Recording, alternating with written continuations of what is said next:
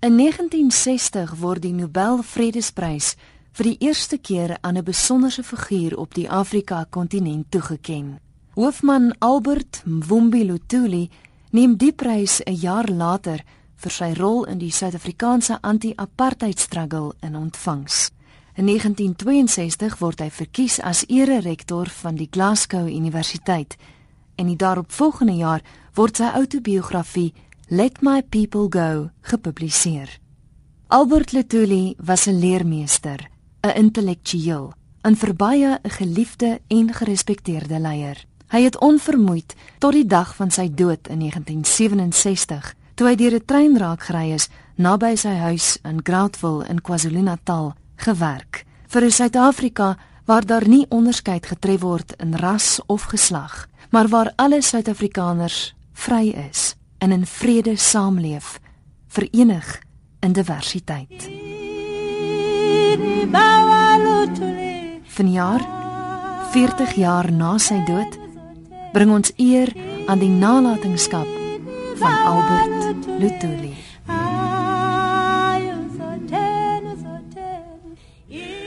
Uh, we didn't know what the Nobel Peace Prize was about. There was this uh, telegram which uh, was, was was coming up with this good news from far away from a Scandinavian country that we knew nothing about. It was difficult to to understand first what it was all about because nothing of the kind had ever happened in this country and we had never heard of it. But uh, once we got to grips with um, the moment, we were absolutely delighted and really quite unbelieving. Great surprise. It gave us hope.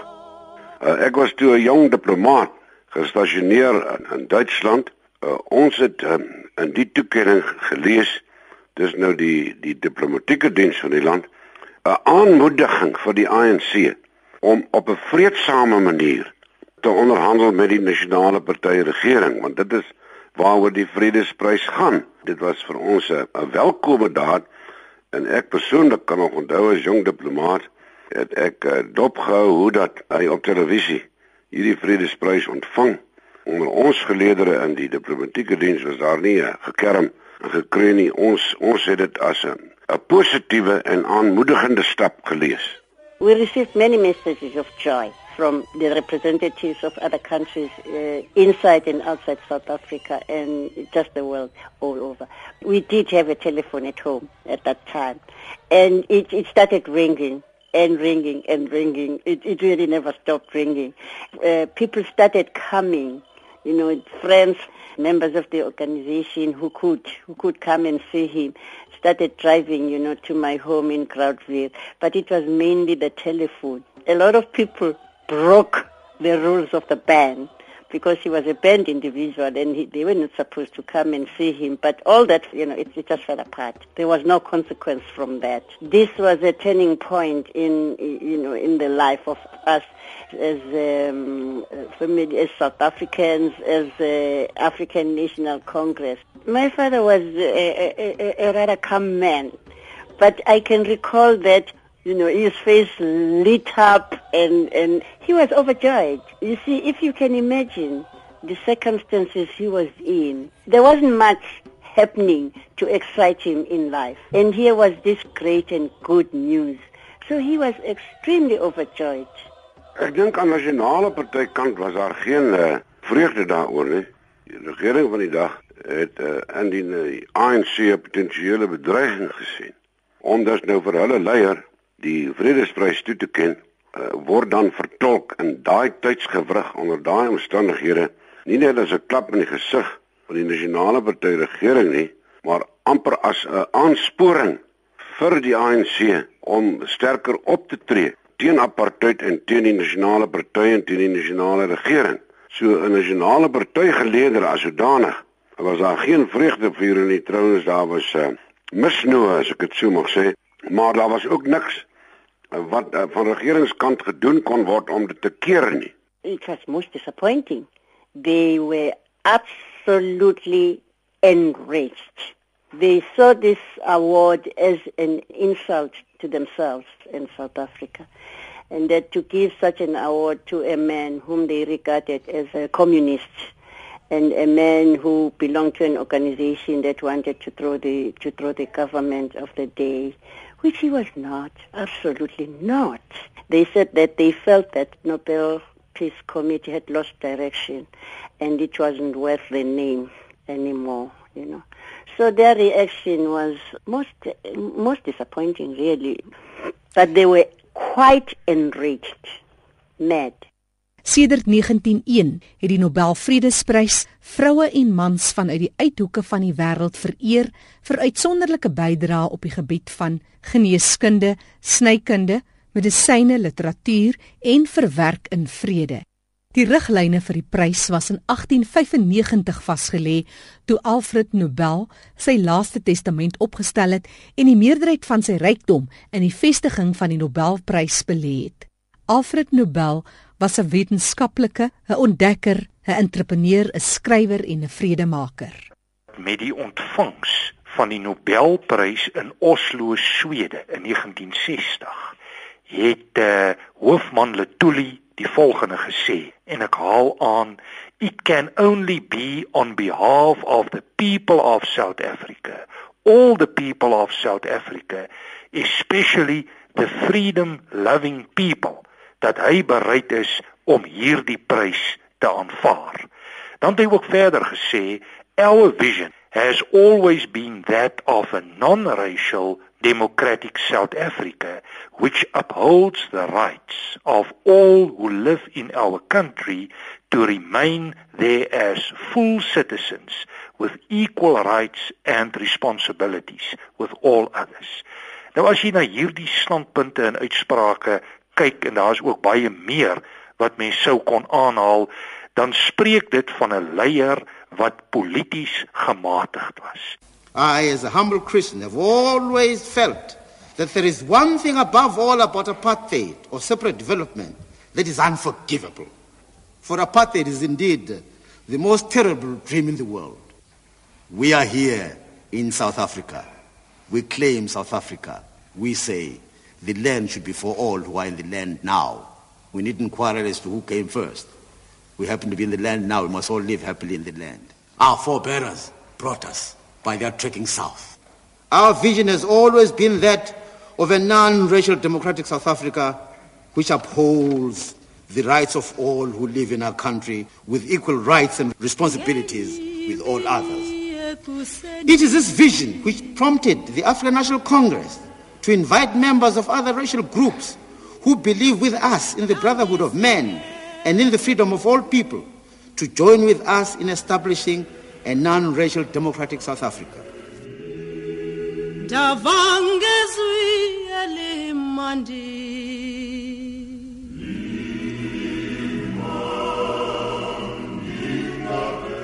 Omtrent dieselfde tyd toe die stryd van Waterloo 'n einde gebring het aan die oproerige en ontwrigtende loopbaan van keiser Napoleon, het 'n man met dieselfde ambisie ver daarvandaan in die onbekende Zululand in Suid-Afrika aanbewind gekom. Shaka, sekerlik een van die grootste van die Zulu konings, het in sy kort tydjie van 12 jaar se bewind 'n paar van die stamgroepe wat nie om een vuur kon sit tot 'n sterk nasie verenig. Shaka was soms genadeloos in sy metodes en die Suid-Afrikaanse geskiedenisskrywers was hom nie baie goed gesind nie. Shaka, die gevreesde leier van die Zulus, is later deur sy halfbroer Dingaan vermoor. Dingaan neem die leiersels oor en sy koninkryk strek vanaf Swaziland tot in Transkei, van die Drakensberg reeks tot by die Indiese Oseaan. Europa herstel van Napoleon. In die Kaap het die trek begin gepaardgaande met skermutselings met die Amakhosas. En Zululand het herstel van Shaka. In die tyd van Dingaan het die nedersettings vir die witman soos in die tyd van Shaka uit 'n handjievol smouse, jagters en avonturiers bestaan. In 1835 het Britse sendelinge na die gebied gekom. Intussen het Amerikaanse liggaam 3 sendelinge na Dingaan se hoofvesting gestuur. Een van hulle was eerwaarde Allen Grant. Hy het weggebreek van die groep waar hulle naby Durban, ook bekend as 'n buitekraal, gevestig was. Eerwaarde Graat het 'n sendingstasie naby die Umwuti rivier begin. Die plek is vandag Graatville. Tuiste van die stamvaders van Albert Lutuli. In 1898, naby die huidige Bulawayo in Zimbabwe, word Albert John Mvumbi Lutuli gebore. In 1908 keer Lutuli terug na Graatville, tuiste van die Lutuli voorvaders.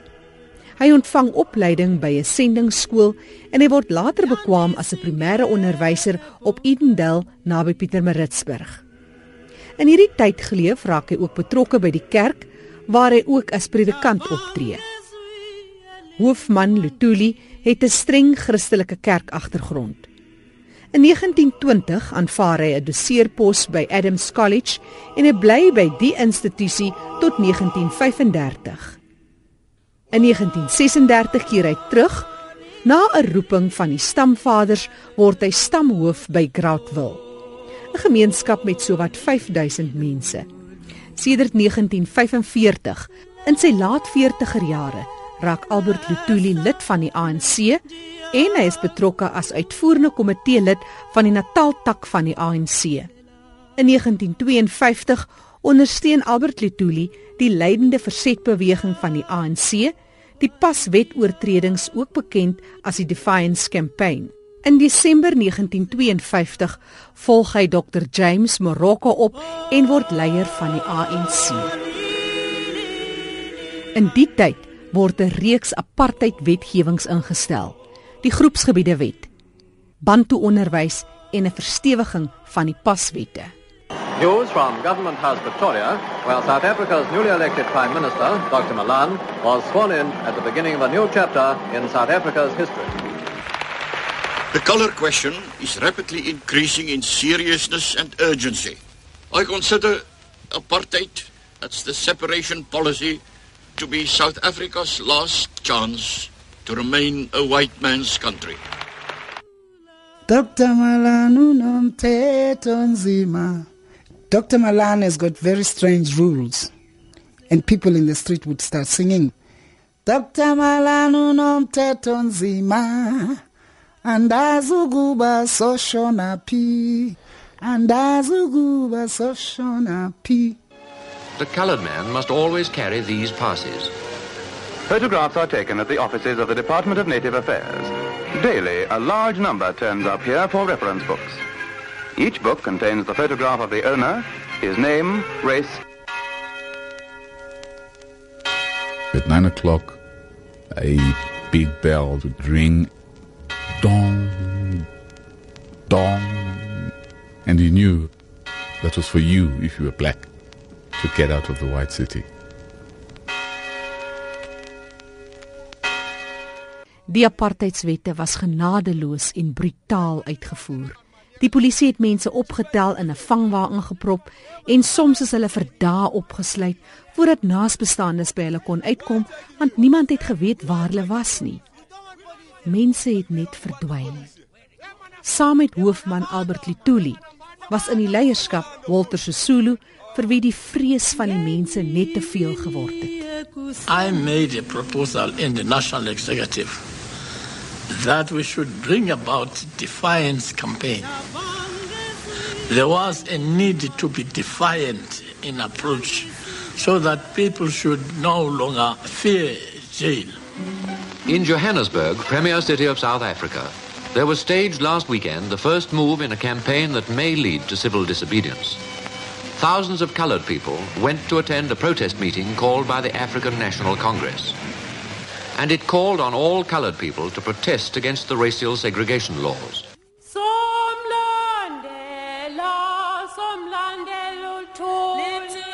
In die eerste paar maande van die Defiance campaign was 8000 vroue gearresteer. Die leier van die ANC, Albert Lutuli, saam met die adjunk Nelson Mandela, ondersteun die vroue om hulle self te organiseer en in 1954 sien 'n nasionale organisasie van duisende vroue die lig. In 1955 word hoofman Albert Lutuli herkies as die leier van die ANC. Die Vryheidsmanifest word aanvaar, maar eerste minister H.G. Strydom slaan terug en kondig aan dat die paswette na swart vroue uitgebrei gaan word. En in 1956 protesteer die vroue in 'n optog na die Unie gebou. Hey, Strydom wathinta bokozi wathinta imbokoto uzakufa which means that wena freedom you have been messing up with the women. You touch the women you start the rock you are going to die. Albert John Mvumbi Letuli In belangrike opsigte was hy ook 'n produk van sy tyd, want die ANC in die periode na die Tweede Wêreldoorlog en ook tydens die 50er jare was 'n redelike gematigde organisasie. Die breuk het gekom in die vroeë 60s, kort na die uh, Sharpeville opstande. Several hundred natives gathered peaceably to protest the past laws. Police mounted on tanks opened fire. 69 natives were killed, 176 wounded. Most of the victims were shot in the back. Some of the dead were children, women, and elderly men.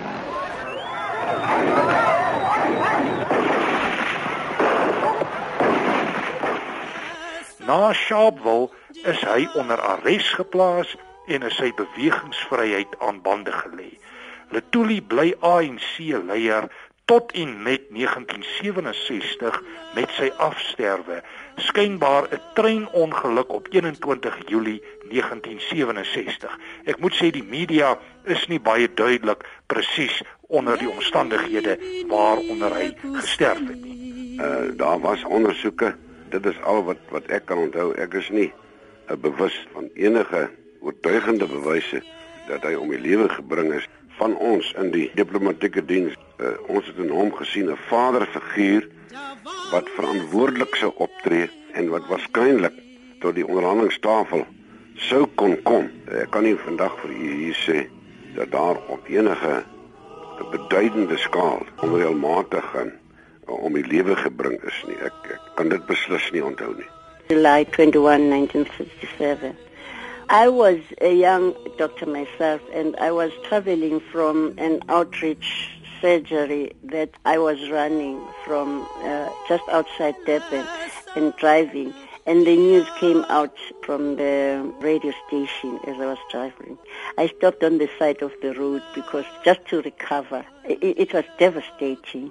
I drove back to the main surgery at Claremont Township. By the time I got there, people had already gathered in large numbers and they were crying, especially the women. It, it, it, was a very difficult moment for all of us as members of the family. And it's, it's still a difficult, you know, it's still a difficult uh, matter to talk about and to cope with. You know, one keeps asking the question because uh, you know, we don't believe that that was an accident. We, we really believe all that, all the circumstances that existed at the moment and everything point in, in, you know, in the direction of um, deliberate acts you know, that he was killed deliberately. You know, it's difficult to get the answers and the people are gone who were living then we remain with these unanswered, uh, unanswered questions. You know, the funeral was, um, it was a, a, big event. All those um, uh, rules of uh, confinement, they fell apart. You know, people just came to the funeral. Even people who were banned were not supposed to leave their areas. Estimated to be about 15,000 people who attended that funeral. At that time, which is 1967, the ANC was banned underground or in exile.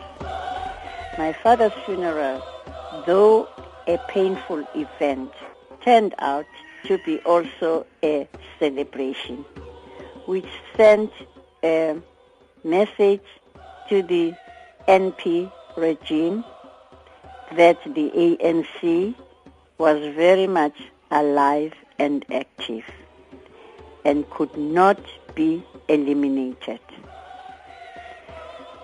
It rekindled hope to a people constantly under fire and battering by a brutal, reckless, and ruthless regime. Belangriker is moontlik sy bydrae tot die ANC. Hy was deel van 'n relatief gematigde ANC van die jare 50. Maar dit was ook 'n tyd van onstabiliteit, 'n tyd van hoogspanning wat vergelyk in mate met dit wat die ANC tans ervaar. In die laat 50er jare het ons die konflik gehad tussen diegene wat die Freedom Charter onderskryf het en die Afrikaniste wat daartoe gelei het dat Robert Sobukwe in die laat 50s weggebreek het van die ANC en die PAC gestig het. Nou as ek die lyn kan deurtrek na die huidige, dan sien ons weer die stryd tussen 'n meer gematigde benadering binne die ANC teenoor 'n meer radikale benadering wat ook maar tipies is van die politiek van verandering. Na 1960 sou Letuli ook as gevolg van bewegingsbeperkings op die agtergrond geplaas word.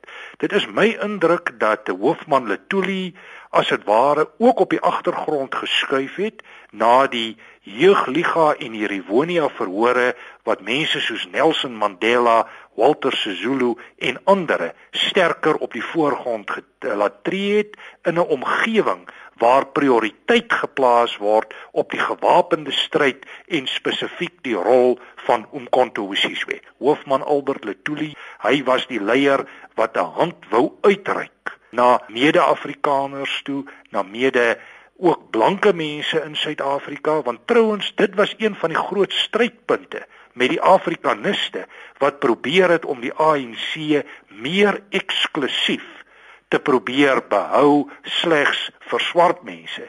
Hierteenoor het Lutuli baie sterk uitgekom. Dit is baie dieselfde lyn as wat ons in die 90er jare en vandag nog vir oud-president Nelson Mandela hoor praat het in terme van nasionale versoening, in terme van sy filosofie. Sou hy waarskynlik trots gewees het op die nuwe grondwet, maar waarskynlik ook bekommerd gewees het oor dit wat tans binne veral die Suid-Afrikaanse politiek en dan meer spesifiek die ANC politiek aan die gang is. Dit wil nou sê as ek nou sy politieke paradigma probeer projekteer na die huidige tydsgewrig toe.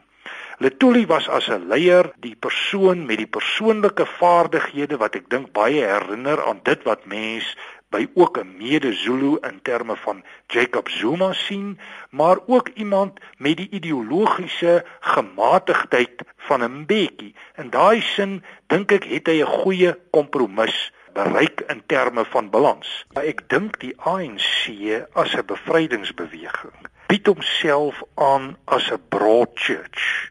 En dit is vandag waarskynlik heelwat meer waar as wat dit was in die 60er jare, hoewel die problematiek min of meer dieselfde was. Aan die een kant sit ons met historiese groeperinge soos die Robben Eilanders, die Exiles, die Insiles en so meer, maar dan tel ons ook baie duidelik sosiologiese verskille op binne die groter Broad Church wat verband hou met kultuur, etniese groep, ras, gender en so meer. En ek dink as mens nou kyk na hoe Lutuli dit probeer hanteer het in sy tyd dan was dit die een wat probeer het om verskeidenheid te akkommodeer met klem op die eenheid. En ek dink dit is baie belangrik tans vir die ANC as 'n beweging om te probeer om hulle eenheid te herstel. Wat ons wel agterkom is dat 'n leier soos byvoorbeeld Jacob Zuma maak baie gebruik van stamlojaliteite om juis sy steunbasisse te konsolideer. In daai sin moet die ANC as 'n organisasie en ook die groter politieke bedeling in Suid-Afrika nog geweldig baie doen om hierdie diverse konflikterende kragte as dit ware nader aan mekaar te bring in 'n poging om die eenheid binne die verskeidenheid. Hoe sou iemand soos Letuli die saak benader het? En ek dink die eerste lyn sou gewees het dat hy die saak in groot nederigheid sou aanpak. Tweedens dat hy die saak sou hanteer vanuit 'n kerklike Christelike agtergrond wat 'n bepaalde waardestelsel veronderstel waarin gematigdheid en versoening sou voorop staan en dan dat hy waarskynlik met voorbeeld sou gelei het in die verband. Ek dink dat die ANC van vandag baie kan gaan neem uit Letuli se voorbeeld en ook uit sy standpunt en beskouing om as dit ware die einde van die jaar se leierskapstryde aan te pak. We've got three types of leaders in South Africa. We have got uh, traditional leaders, we have got leaders uh, of religion, of faith, and we have got elected leadership uh, of political parties. And uh, he urged the unity of all this type of leadership to make a South Africa that was going to be a veritable democracy.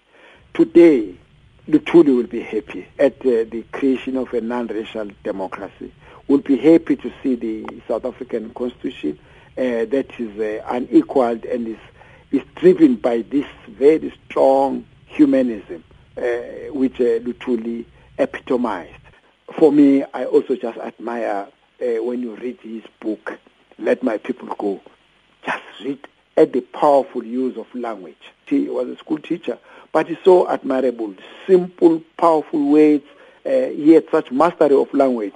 We owe it to all of us to keep the memory of uh, Lutuli alive all the time. It is that strength that you, you've got to draw from. Even when your own strength is lacking, you then draw on what will you truly do. There you always find an answer. He wrote many speeches, and he would do his long speeches, sit and write for days, perhaps sitting almost uh, the whole night. And then at the end of it, he would sit, he would call my mother, and then they would sit on the sofa in the lounge.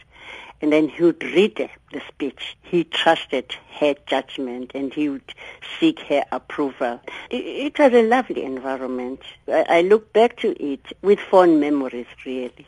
As children, there were four girls, three boys. What I can really say I remember about both my parents was that they emphasized the value that you need to try to live a good life and make the most of education. Hoofman Albert Lutuli was ook 'n bekwame landboukundige en 'n boer wat gespesialiseer het in suikerrietverbouing onder die swart gemeenskap van Groutwil. Van die klein boere se nasate verbou steeds suikerriet, soos deur Albert Lutuli aan hulle voorvaders geleer is. Vandag, 40 jaar na die dood van hoofman Albert Lutuli, is die Lutuli Museum in Groutwil geopen. Groutwil is 'n klein dorpie net buite Stanger in Noord-Natal. Nou, Groutwil is 'n ongelooflike arm nederige plek hier in die een straat Nokahanya wat na Albert Lutuli se vrou vernoem is staan die Lutuli Museum. Dit was die huis waar Albert Lutuli altyd onder huisarrest was vir 30 jaar. Dis die huis waar byvoorbeeld hulle hom kom haal het om hom oor te vlieg om sy Nobel Vredesprys te ontvang. In die kombuis is daar nog die die ou stoof wat hulle gebruik het en waar die familie gesit en kuier het in die aande. Binne in die museum het hulle ook uitstallings van sy toesprake as ook 'n ongelooflike merkwaardige uitstalling van toe hy sy Nobels Vredesprys ontvang het.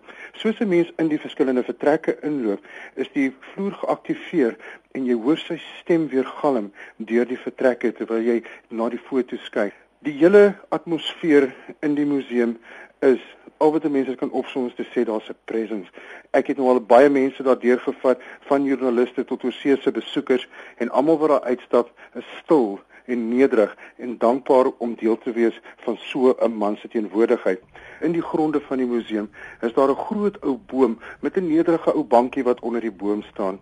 Nou op die bankie is daar 'n plaat wat vir mense sê dat dit is waar Robert Kennedy broer van oorlede PSA president JF Kennedy gesit het en met Albert Lutuli gepraat het toe hy in 1966 deurgekom het Suid-Afrika toe en in Graatvol om vir Albert Lutuli te kom sien. Dit is geweldig belangrik dat hierdie ou klein nederige huisie wat staan tussen suikerrietlande buite Graatvol en Stanger is iets wat elke Suid-Afrikaner moet besoek. Die museum en die omgewing word baie betrokke gemaak by enige projekte en allerlei kreatiewe goeders om die mense op te hef en daardeur word Albert Lutuli se gees en sy nalatenskap ook tot vandag toe nog selfs op skoolvlak aan die kinders oorgedra. As ons praat van hoofman Albert Lutuli en ons kyk na sy naam in Zulu, Mvumbi, wat beteken aaneenlopende reën, dan is dit vir my baie duidelik dat dit die tipe beeldspraak is wat die Suid-Afrikaanse politiek tans nodig. Dit skep die beeld van gematigdheid, van groei, van ontwikkeling in terme van reën op 'n sagte landskap. En ek dink in daai verband is die Lutuli rolmodel 'n belangrike rolmodel vir die Suid-Afrikaanse politiek ook in die tyd waar ons nou in beweeg waar dit vir my baie duidelik is dat daar groot spanning is waar daar groot onstabiliteite is en waar ons 'n leierskap moet definieer wat as dit ware hierdie konflikterende belange nader aan mekaar kan bring. Albert John Mvumbi Letuli kan met reg gesien word as een van die groter leiers van die ANC, 'n leier na wie alle gemeenskappe in Suid-Afrika kan opkyk, 'n leier wat 'n voorbeeld stel en 'n leier wat ook as 'n rolmodel kan dien vir die toekoms. In bringing my address to a close, our cause is the cause of the liberation of people who are denied freedom. Our cause is the cause of equality between nations and people. Only thus can the brotherhood of men be firmly established. Let me invite Africa to cast her eyes beyond the past and to some extent the present with their woes and tribulations, trials and failures, and some success. This is Africa's age. To us all, free or not, the call of the hour is to redeem the name and honor of Mother Africa, for long vilified. For her own fight has never been and is not now a fight for conquest of land, for accumulation of wealth or domination of people. I hope it will never be. But for the recognition and the preservation of the rights of man and the establishment of a truly free world for a free people. Nkosi sikelele Afrika malo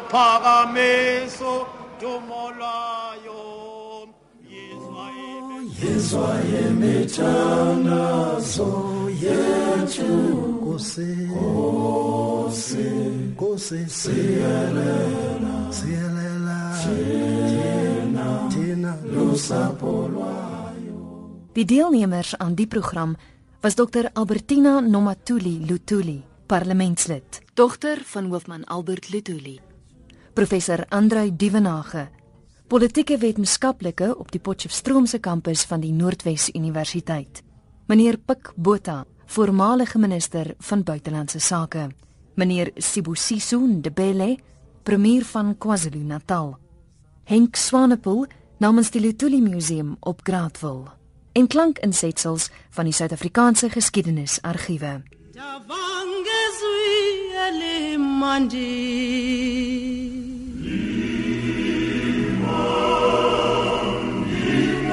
Die musiek kom van die CD Folk Songs from Africa.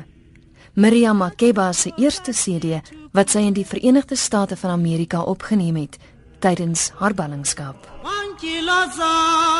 Die dokumentêr oor hoofman Albert Mvumbi Lutuli is in Johannesburg saamgestel deur Jackie January. Oh